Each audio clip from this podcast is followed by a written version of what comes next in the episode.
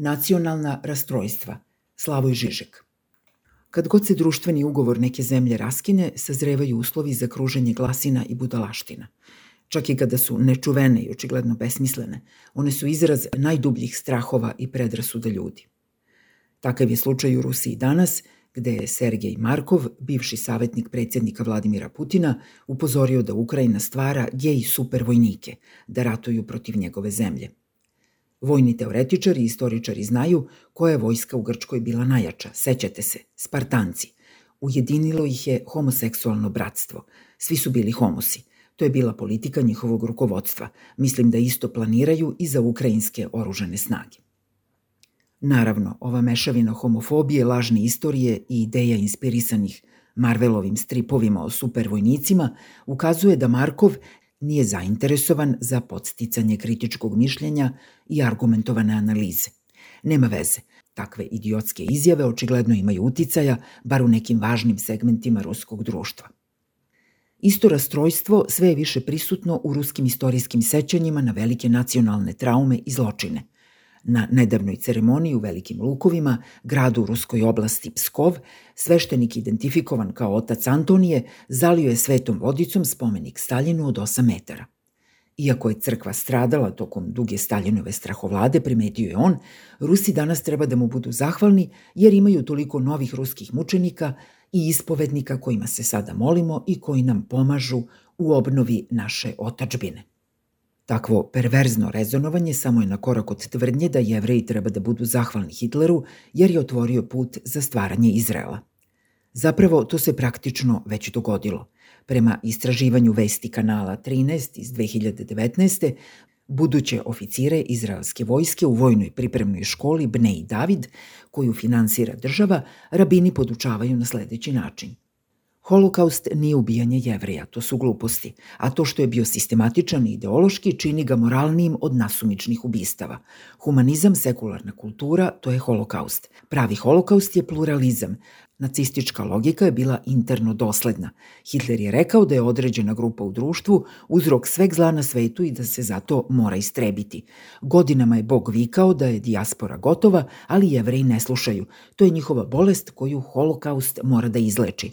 Hitler je bio najpravedniji. Naravno da je bio u pravu u svakoj reči koju je rekao. Njegova ideologija je bila ispravna. Jedina greška nacista bila je ko je bio na kojoj strani. Uz Božju pomoć robstvo će se vratiti. Ne jevreji će želeti da budu naši robovi. Ti ljudi oko nas imaju genetske probleme. Pitajte prosečnog Arapina šta želi da bude. Želi da bude pod okupacijom. Oni ne znaju kako da vode državu ni bilo šta drugo. Da, mi smo rasisti, mi verujemo u rasizam. Rase imaju genetske karakteristike, zato moramo razmisliti kako da im pomognemo.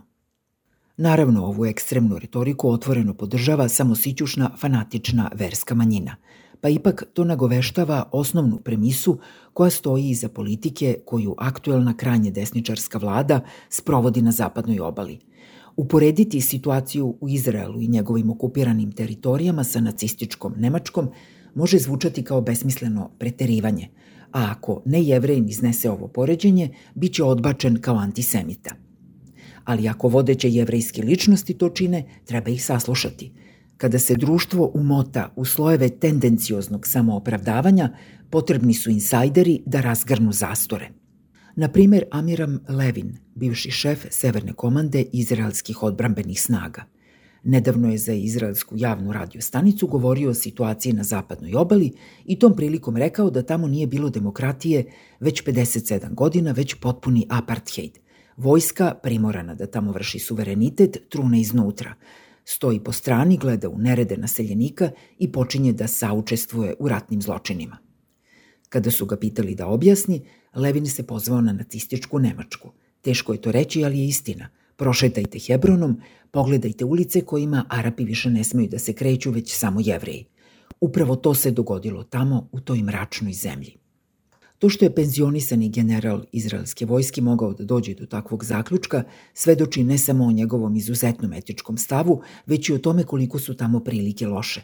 Ali sve dok postoje Izraelci poput Levina, postoji nada, jer samo uz solidarnost i podršku ljudi poput njega, palestinci sa zapadne obale imaju šansu. I u Rusiji i u Izraelu danas – Društveni pakt se lomi pod teretom kolonijalizma i drastičnih neslaganja oko temeljnih principa. Takvi uslovi su podložni sve absurdnijim i ekstremnijim oblicima racionalizacije. Ali to što se za nešto može smisliti razlog ne znači da to treba činiti. Kada se društva raspadaju, odupreti se pogrešnim razlozima često zahteva više snage nego slediti prave.